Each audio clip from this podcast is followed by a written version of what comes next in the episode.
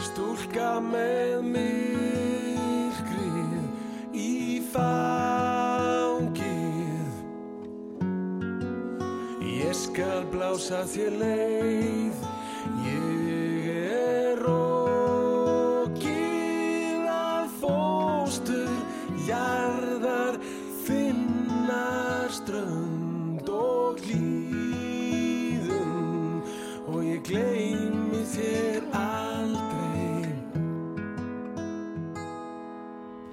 Hún er bara hún náttúrulega, veist, er það er alveg erfitt að segja, veist, ég get ekki sagt ykkur einu lýsingar því hvað mér finnst um hana því mér finnst hún vera alveg stórkostlega listamæður Ber er hver að baki er þáttaröðum íslenska dægurtónlist.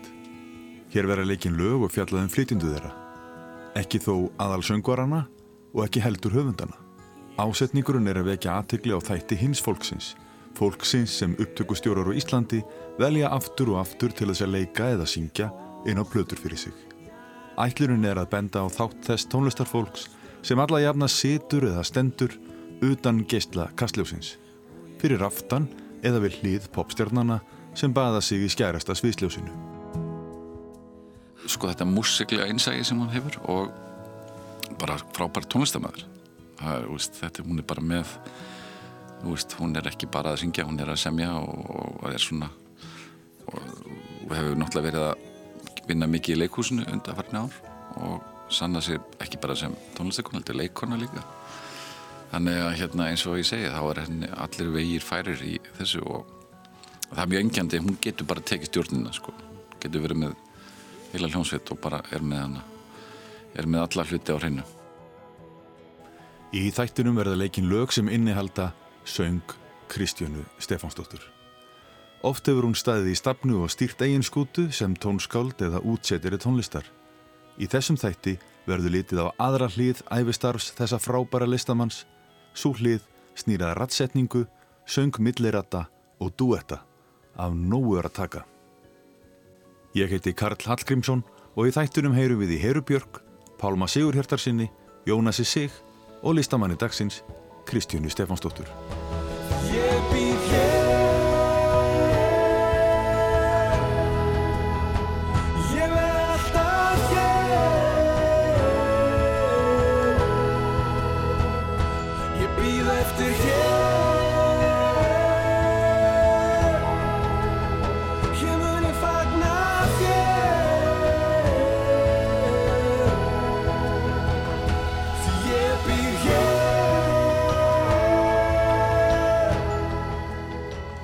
Kristjana Stefáns er oftar en ekki aðal maðurinn á sviðin.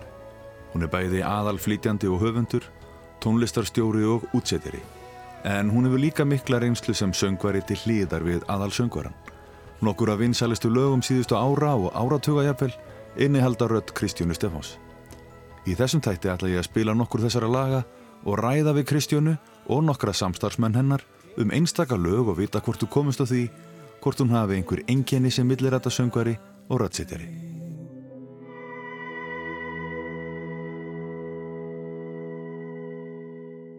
En Við eigum rosalega fallið samband sko og mér finnst mjög gaman að hún kemur alltaf öðru hverju sem svona gestur og neglir í partíið og hlifmir undir þessu partíi og hamingjuna og það er alltaf og það verður allt vitlust skilur, að því að, að hú veist, þó að sé búið að vera gaman og góðu tónlingar þá bara þegar hún kemur þá bara, ég þá bara ferða upp í allu skilur, það er bara þannig sko.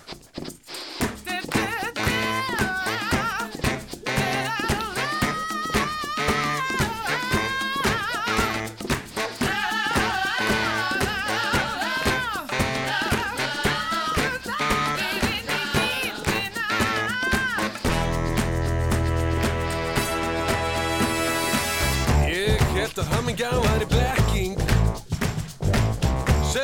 kæmi ríðandi á hestum eftir fjörum borðin með braki og brestum færandi fengin sinn örum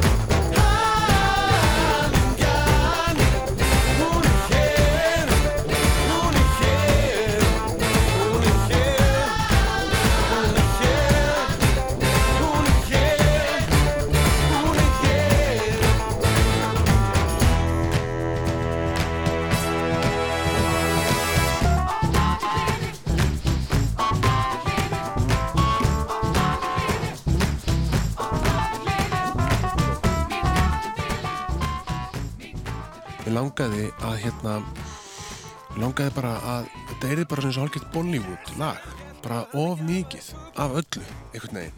En samt myndi það fljúa sem er náttúrulega mikil áskorun sko. Þessi, þessi kynning þarna í upphafi lagsins sem að hún fer að tekur flugir Og það var svo- bara með trommutakti Akkurat, og það, það sem gerst var það að svo kom Kristjana heim til mín og þetta var bara nýri kjallara og, og, og ég var að taka upp og mín hugmynd var sko að endirinn á læginu, þú veist, þegar þú ert búin að vera að hlusta á eitthvað Bollywood party, alveg, þú veist, þá kemur allt í hennum bara ein svona gospel.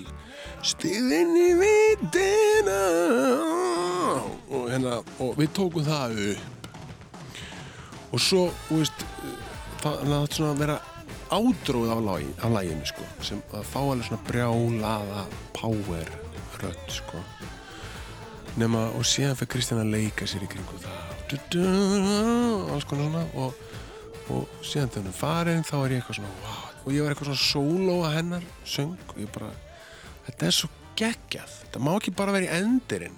Þannig að ég prófaði bara að setja fremst í lagið, bara svona sóló. Já, sem segir okkur líka hvað er ótrúlega mikil sköpun fólkin í hljóðblöndunum. Því sem er alveg rosalega mikil. Og þá bara breytist allt. Þá allt henni opnaði hún lagið og setti tónin og hérna og kannski var þetta á einhvern hátt hlið sem að Kristjana hefur ekki sínt eh, ég veit það ekki í svona popmusik eða eitthvað sko. Þetta allan að, veist eh, þetta var bara var einhvern veginn, al, hún skein bara. Og mér finnst alltaf að í þessu lægi hún bara skín í gegnum þetta lag og, og gefur því alveg rosalega mikið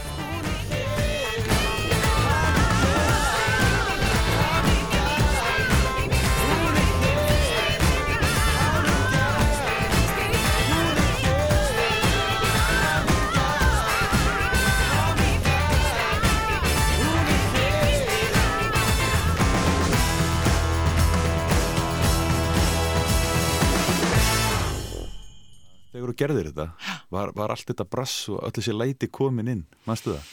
Já, mestu held ég sko.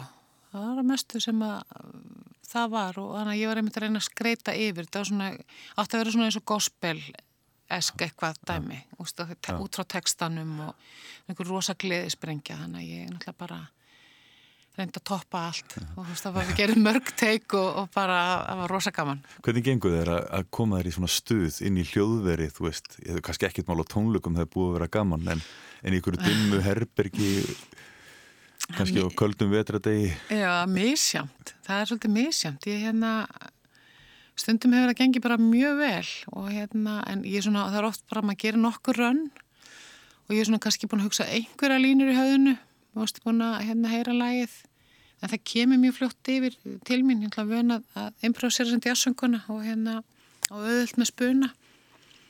Er, er, einhver, er einhver önnur lögmál í stúdíónu heldur en svona þegar þú ert að gera Live. þetta live? Já, alltaf sko bardaði við mikrofon, það er oft erfiðar held ég fyrir hljóðmenn að taka upp mikið power þannig að það er eitthvað sem maður þarf að spá í og það er, já, maður þarf einhvern veginn ég veit ekki það er öðruvísum þetta meðila einhverjum, einhverjum svona miklum fíling á, á plötum heldur en hérna á læftónleikum, því það er orkan verður önnu sko ég það er svolítið hérna ég var í rauninni mest til að vera bara með handheldan og, og mónitor á mér, þú veist, þá var ég, myndi ég sko fljú í gang. Gerur það stundum? Ég hef gert tilrunni með það, ég veit að Björk gerir það mjög mikið, hún syngur bara gegnum sjúr og, og, og tóndar. Já, Bono gerir það líka, hann að, já, hann að ég hef pröfað og það er rosa gaman. En svona þessi, þarf maður ekki að vera tillitsamur í svona söng, þú veist, þú ert með svona vokalísu staðar yfir þessu, þarf ekki að gera bil þannig að mixarinn geti klift á það. Og- Jú, bara í ymitt, eins og Jónas stjórnaði bara yfir þennan kapla, pröfa bara að gera einhverja línur og já, ná, og svo við, við gerðum hans konar tilraunir og svo valda hann bara úr og bendi ég að þessi þarna, eitthvað í þessa átt. Þannig að þá bara reyndi ég aftur aftur og, og svo bara pekka hann úr það sem hann fílaði. Rignir á hús þeirra ríku. Ég er að grilla í góðri klíku. Frá himni falla falleg orð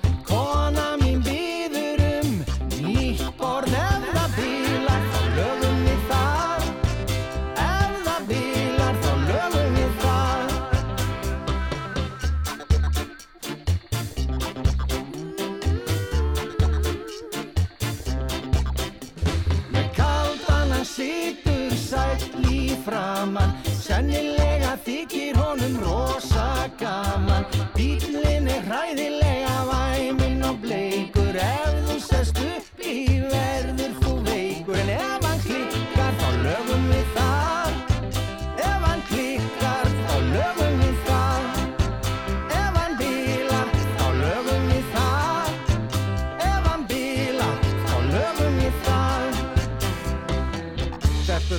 standa hlæjandi röð. Strákarnir bjóða gras og böð. Ég er út undan edru og leim. Ég enda alltaf alinn heim, heim, heim, heim. Ef það klikkar þá lögum við það. Ef það bílar þá lögum við það. Kristjana, hérna er lag með Bubba og. Sólskuggunum Já, Er ekki hlutverk, sko, eitt, eitt af hlutverkunum við það að vera alvöru listamæður, er það ekki að virða einfaldleikan? jú, alveg pottjætt sko og hérna, ef við erum að tala, ég er nú alltaf hérna nota hérna, notast þið setningar sem að ég pikkaði upp í leikhúsi, við höfum verið að vinna trúðasýningum og, og þar þarf maður mikið að, að skoða svona blúprintið undir öllum, öllum hérna sýningum og öllu sem maður er að gera og fara á dýftina með hluti og og maður má sko aldrei vera starri en lægi sjálft. Það finnst mér vera sko nummer 1, 2, 3 það er alltaf þjóna læginu og svo er akkerið mitt alltaf í gegnum allt og það er setning sem að Dóra Geirasvinguna mín notaði og notar alltaf að, að maður er farvegur fyrir fegurð. Þú veist, þetta er, snýst ekki um manns eigins ego. Akkurat, ef lægi þarf einfaldleika, já, þá bara færu við í einfaldleika. já, nákvæmlega. Í staðan fyrir að vera að hlaða ykkur ofan og til þess að þjóna ykkur ego sem er mjög skrítið. Þannig að einfalleikin er oft bara svo frábær og, og þú veist, það þarf ekkert meira. Þetta er eins og það þarf ekki að setja rjóma ofan á rjómatertu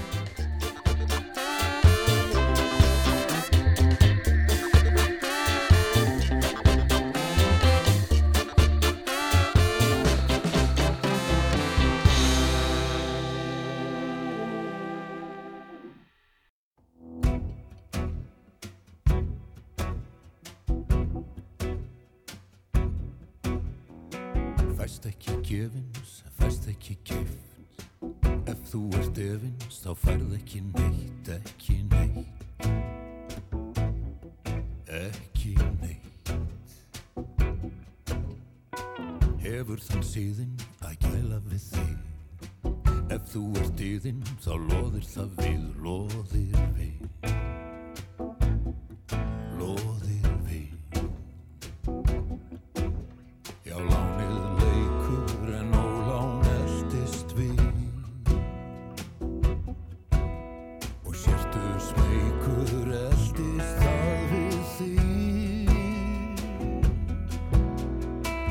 Hátt í húsi myrkur hýlur daginn sem Flýgur fjöllum hærra fellir menn. Vakir viturt hjarta Veit af heimstu stund. Sýnir sæmd og þakkar sér hver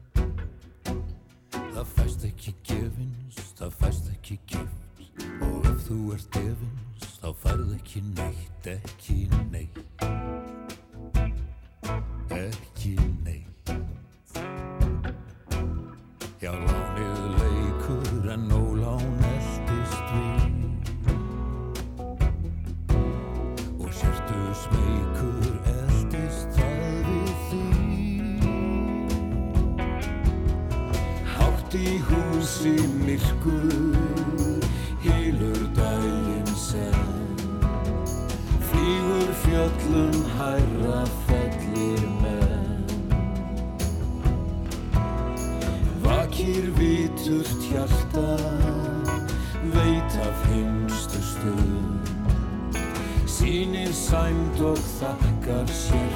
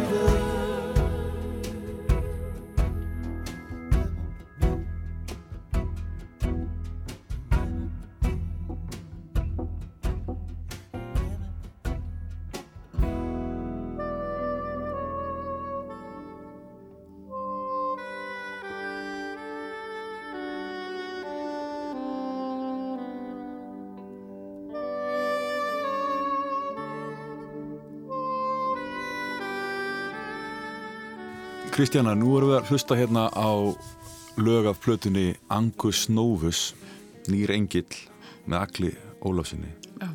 Þarna í báðum þessum lögum er hlutverk þitt að styðja undir laglínuna sem Egil er að syngja. Þú mátt eiginlega ekki skera þig úr. Eða taka aðtikluna frá túlkun hans, það er eiginlega því erfiðara sem mann gengur að greina hver er að syngja því betur er þetta gert. Já, Hvernig k- kanntu þið þetta hlutverk? ég hef aldrei litið á þetta svona, aldrei nokkuð tíma. Ég hef hérna, aldrei hugsaði þannig. Ég einhvern veginn, mér finnst, ég var alveg hreinskilum, mér finnst mér bakrættir mjög skrítið orð og þú veist þetta, á ennsku er þetta backing vocals, það er rauninni stuðningsrætti meira sem ég hugsa um og ég hugsa alltaf þegar ég skrifa ef ég er að vinna sjálf og einhverju aðrir koma að ratta fyrir mig þá skrifa alltaf bara rattir, þú veist ekki, ekki bakrættir. Uh, ég mjög finnst þetta að vera uh, mjög skemmtilegt hlutverk að hérna í rauninni svona icing on the cake einhvern veginn að fá að að lita, þetta er einhvern veginn svona litir finnst mér og, og hérna og því meiri sem að maður einhvern veginn stapla röttum í hljóminn þá oft verður eitthvað svona meira koma meiri yfirtónar að, þú veist, það kemur eitthvað meiri fegur með þessu. Þannig að mitt hlutur á þessari plötu, ég vil að rattaði alla þessa plötu með honum þá hérna hugsaði það einhvern veginn þannig. Það veldur ekkit gremju að vera köllu til leiks vegna hæfileika sína en nota á alla sko. Já, en fá samt einhvern veginn ekki alveg að nota á alla. Jú, mér finnst ég að vera alveg að nota á alla en þú veist, maður þarf ekki alltaf að vera í framlínunni einhvern veginn, þú veist. Að því, að það er hérna líka einhvern veginn kannski bara ríkt í manni að hérna að halda utan um hlutin einhvern veginn. Og veist, það, það er kannski ekki beint ykkur þörf að þurfa alltaf að vera fremstur á sviðinu. Það er einhvern veginn hefur aldrei verið einhvern veginn kannski beint. En hérna, það er líka gaman sko, bæði og. En hérna þetta er kannski svona meira umvegandi einhvern veginn hlutverk að vera þarna. Og maður þarf ofta einhvern veginn að nota sælutnar einhvern veginn öðruvísi, þú veist, að hugsa út hvernig maður getur gert og, og, og þetta svona fer út í þetta svona eh, þetta er svona skemmtir útsettjaranum í mér líka, þú veist prótusentunum og þetta sem maður hefur líka einhvern veginn og þú veist það gerir hlutin spennandi, maður þarf einhvern veginn alltaf að hafa tilgang með öllu. Og ef maður hefur ekki tilgang eða eitthvað svona akkeri inn í svona hluti þá, veist, þá, þá kannski upplifum maður sér sem eitthvað nummið tvö sem er þá myndi ég aldrei gera þetta. Þá er það bara boring sko. En hvernig er eh, samstarf sko, það lítur að vera mismunandi milli þeirra sem þú ert að vinna með, þú veist. Já, þannig ertu með Agli Ólafsínu, manni sem að hefur kannski á margan hátt líkan bakgrunn og þú úr, kemur svona úr já, á líka grunni klassík og jafnvel kórsöng. Finnst þér ekki þannig reynsla nýtast þér í svona vinnu? jú, algjörlega. Ég byrja að syngja í kórið í ráttara og bara, það er bara eitt af mínum stóru áhugmálum að syngja í röddum. Mér finnst það stórkostlegt og, og hérna gefur mér rosa mikið.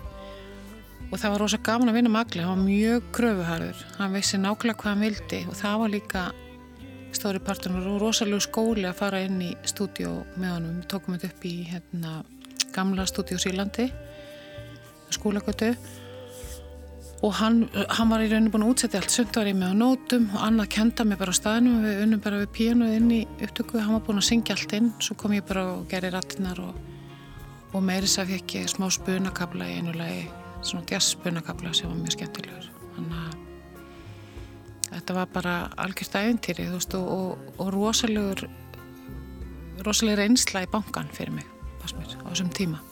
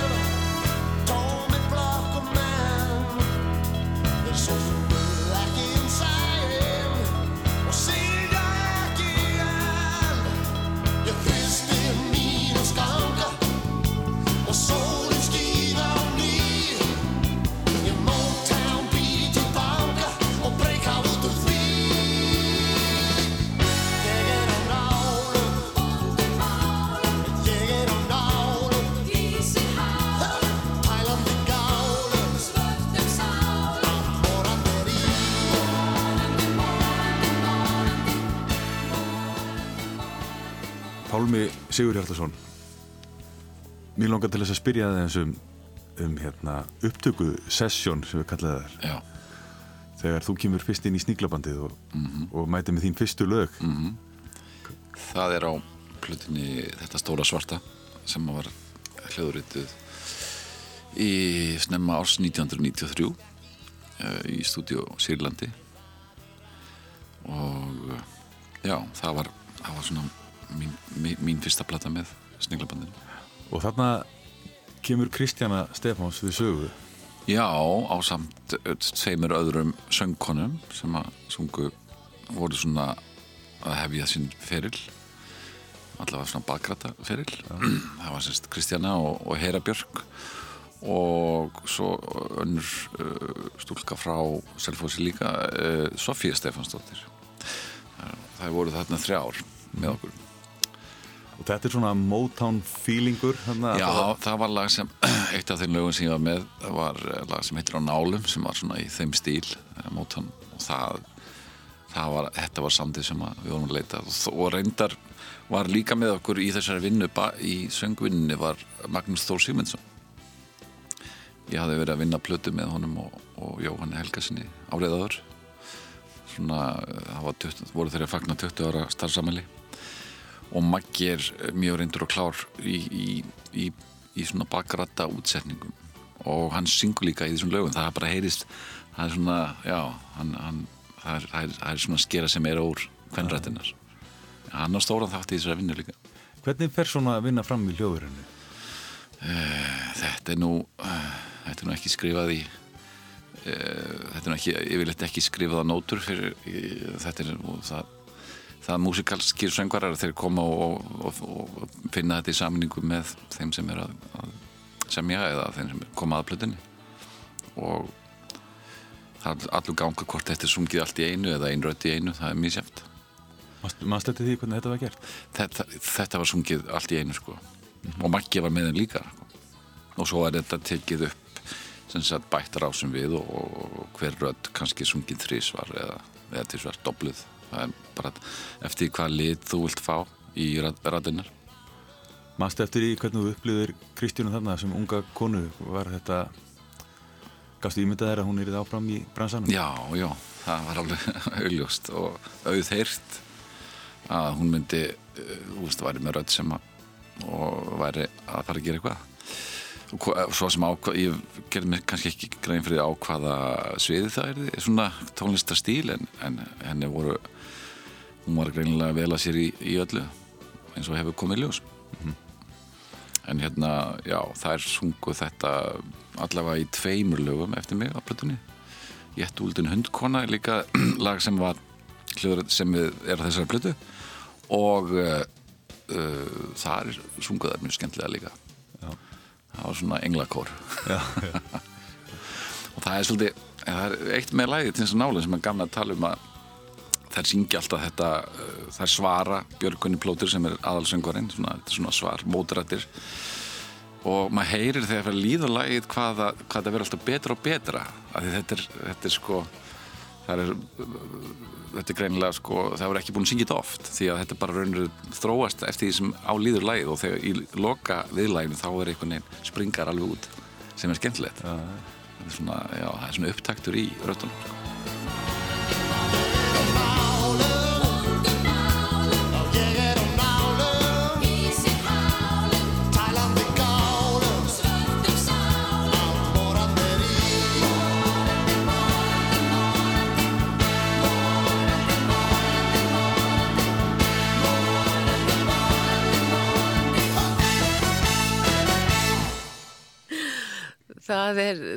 já, þetta er með, með eftirminnilegri hljóðvarskeggum sem að ég hef tekið bara. Það verður að segjast eins og er.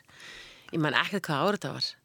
Þetta var platan þeirra þar sem að, sko, við, ég man með best eftir, sko, læginu Jettu Úldun hund að því að það, svo upptaka þegar vorum að taka rattinnar við það lag, það var bara eitthvað miðanótt og það voru allir búinur á orkunni, bara alveg og við vorum alveg bara, og veist "Ó, takk aftur og vorum öll bara til í að fara bara heim að sofa, sko.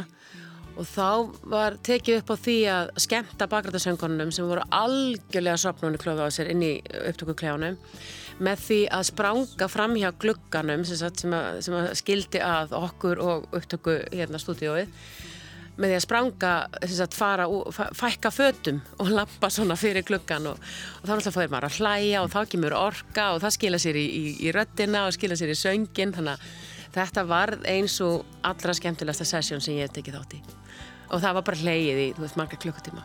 Og bara kláruðum þetta eitthvað tíma undir, morgun. Ég veit ekki hvort það skila sér sko, ég, ég, í mínum huga skilar þetta sér inn á upptökunum því ég fer alltaf að hlæja þegar ég heyri þetta.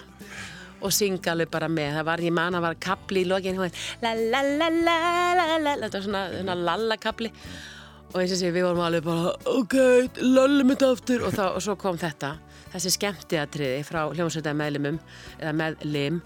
Og, eh, og við hlóum svo gríðarlega og lalluðum svo vel að já, þetta var reykjala skemmtilegt. Það, það var rosalega gaman að vinna með þeim. Og, og það er bara alltaf gaman að vinna með Kristjánu og Sofíu og hérna tala nú ekki um sniglabandinu þetta var eitthvað einmitt, já þetta var, þetta var með betri gig- gigum sem maður hefur gert En hver á þá að segja svona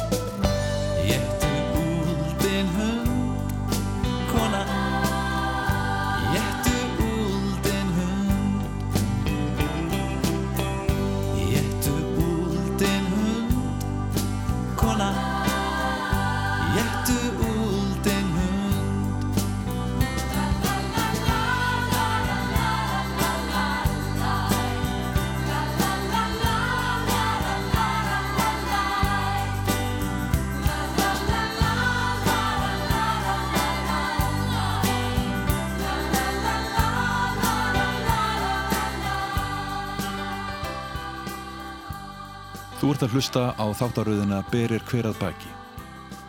Þáttur dagsins er um Kristjónu Stefansdóttur og millirættir og stuðningsrættir sem hún hefur ljáð íslenskum dagurlögum. Ef ég ætti fleiri stundir,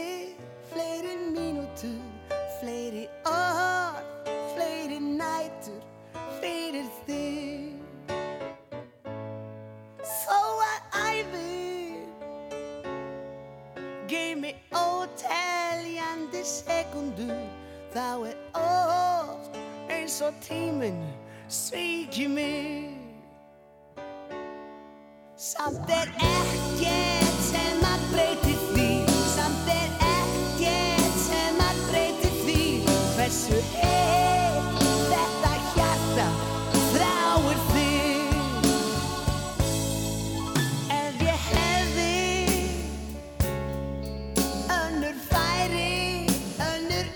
me.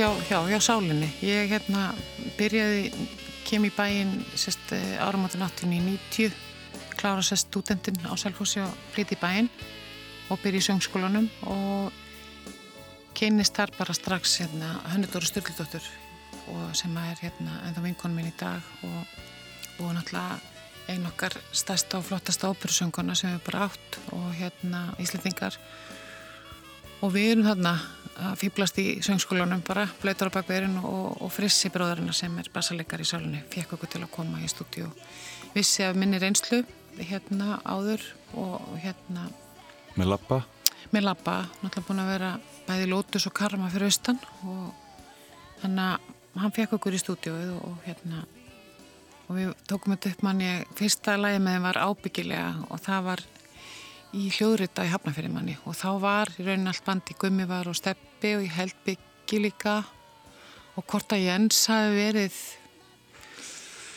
ég er svona að hugsa og frissi. Við höfum öll verið að syngja hérna rattir inn veist, þetta var svona ykkur happy na na na, na kaplinn. Frægi, þannig erum við eitthvað starf vinkonunnar með byrtuna fyrir ofan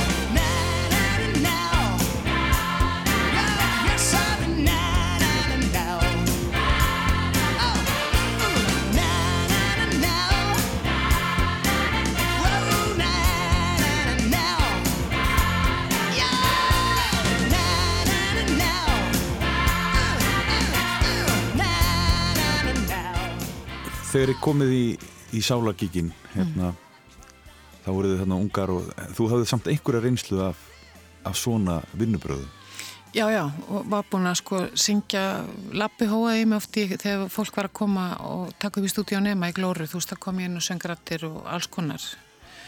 Og þú veist að búin að pröfa að gera fyrir hann líka syngin eitthvað sem hann, hann sjálfur var að gera þannig að ég var ekki alveg þú veist, ég var, var með pínur einslu en hérna þetta var svona fyrsta svona risa alvöru og kom í þetta fræga stúdíu og hitt þessar popstjörnur þetta var náttúrulega svolítið stórt og, og skemmtilegt og hérna, mikil reynsla.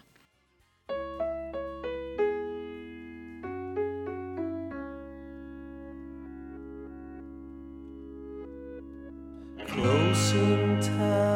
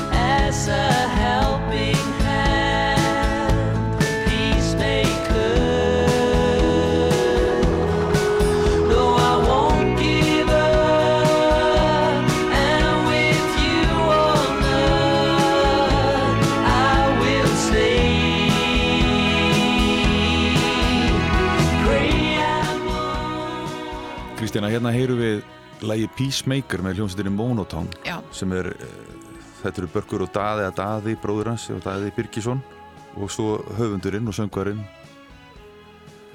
hann hérna frændiðinn Hann Bjarki, frændi. Bjarki Sigurðsson. Yes, þetta er, þetta er svakar flott lag og skemmtilega nótkunn á, á stuðningssöngnum Já, frábær plata alveg þeir hérna var plata ásins hérna, fengu tónlistvalun fyrir hana.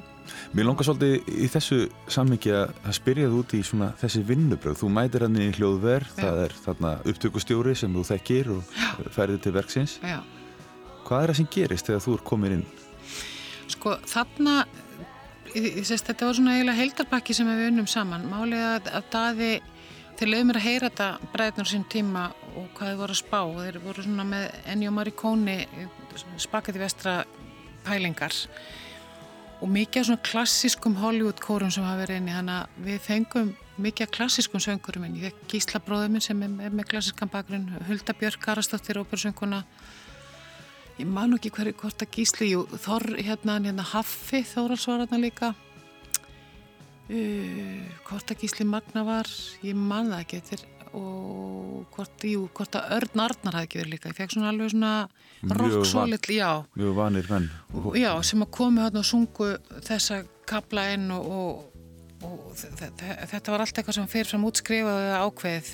Og það var rosa gaman að vinna það og við hlustuðum á svona reffa upp á soundpælingar og annað sem að var svo rosalega skemmtilegt.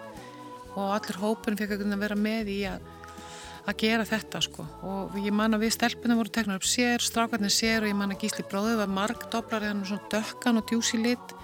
Og hann er hafður framalega í mörgum mixi til þess að fá vissan karakter. Þetta er svona eins og bara að gera góða leiksýningu, það er svo gaman að, að hérna að raða upp litunum þannig að þjóni mitt nákvæmlega þessu sándi sem þeir voru að leitað og ég elska svona vinnu að þurfa að sérst að fá hérna einmitt, að vera beðin um að, að smala rétta fólkinu í þess að ná sérstöku sándi og þetta var sjúklega skemmtileg vinna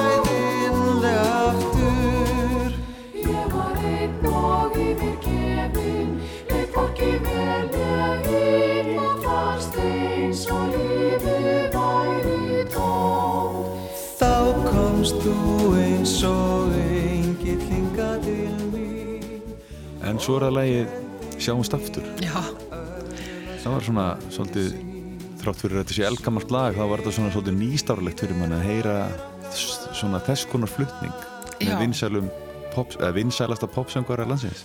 Já, Palli er náttúrulega rosalega jazzkall, sko. Hann kemur alveg, grunnurinn hans er svona, þú veist það, hérna, og hann, hann, hann hefur náttúrulega sko leið yfir jazzplötum og, og brasilsku tónlist líka. Hann er mjög flinkur í, í öllu þessu og En sem sagt, hann beði mér um að koma og syngja sóbrann í þessu lagi og þetta er útsetning sem að koma út með Swingle Singers á plötunum Madrigals and Guys og þá höfðu þau tekið fræga Madrigala og djassað upp. Þau höfðu gert áður svo plötu með hérna, Swingle Singers, nei með hérna Modern Jazz Quartet ætla að segja og hérna voru að taka Bach og alls konar svona gamlar eh, barokk, hérna, gumil barokklu og, og djassaðu upp og Palli ákveður að taka þessu útgáfu og semur textan sjálfur og Matti Hefstokmann ég spilaði á hérna trómurnar. Mjög skemmtilega drömmuleikur. Já, þetta var bara snerill, hann bustaði bara all lagið. En sem sagt, ég er sópraninn, Sverri Guðjónsson syngur allt og tenur og Palli syngur bassan og þetta tekið upp í, eh, í stúdíu Sílandi.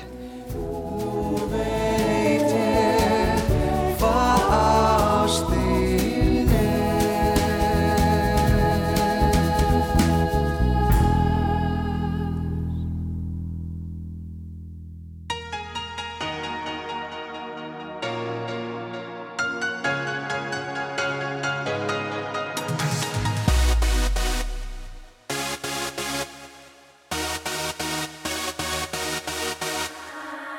sko, Kristján er með skemmtilegri konum, sko. Það er bara þannig.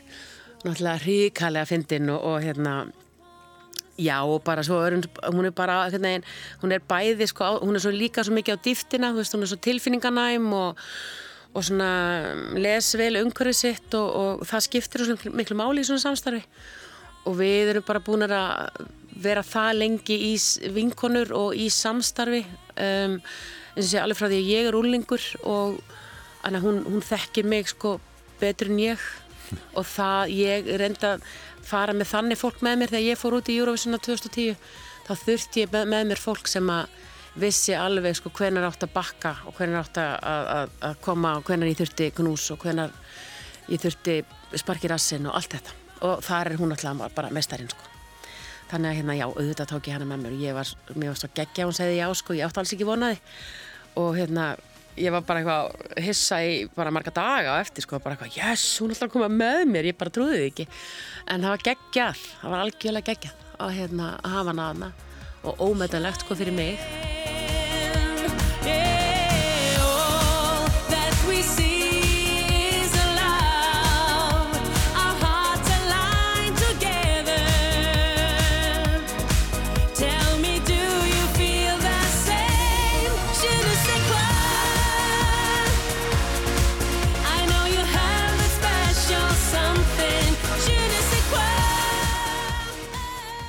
Jú, Pétur Örn Orna og, og hérna Ernar. Erna Hrönn og, og Heiða Heiða, og já. Kristján Gísla Já, já. uh, Jú, jú, hún náttúrulega Stýrir hún þessu? Já, já. Ég meina, hún, veist, en hún gerir það svo vel hún er náttúrulega búin að vera bæði, veist, bara leiðbyrnandi kennar í svo mörg ár og, og, og búin að vera bara í þessum bransa og, og er með þannig virðingasess sko, sem slík að þetta bara gerist ánislulust og allir bara, já, veist, hún er hérna, hún er hókina reynslu og, og veist, en, en hún gerir það ekki með neinum yfirgangi eða, veist, hún, hún, það er alltaf það er alltaf rætt og, og erum við sátt þarna, hljómar þetta vel þarna og, og ég náttúrulega hafði loka neyið eða, eða jáið á það. Þannig að já, já, veist, hún gerði það en, en hún er bara líka svo lungin í því að hún veit hvenær hún á að stíga tilbaka hún veit hvenær hún á að stjórna hvenær ekki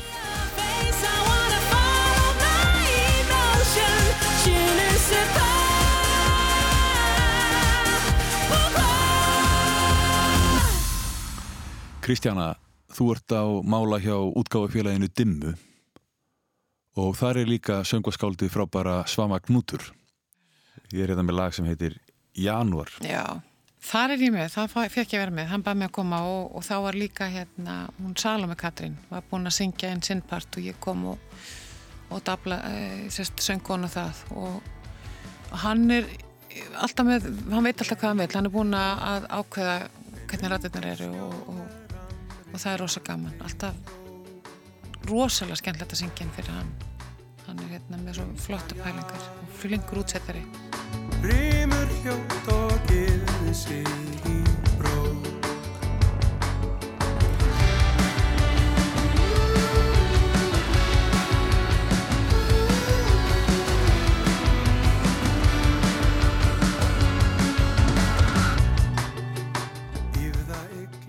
er lokið. Ég vil þakka ykkur kærlega fyrir að hlusta. Einnig fær ég þakkir Pálma Sigurhjartarsinni, Jónasi Sig, Herubjörg og listamanni dagsins Kristjánu Stefmansdóttur fyrir að koma og tala við mig í þættinum og Kristjánu fyrir að lefa mér að gera þennan þátt um þáttöku hennar í tónlist annars listafólks. Í næstu viku verður hér einhver allt annar tónlistamæður. Þá heyrið í mér aftur. Góða stundir.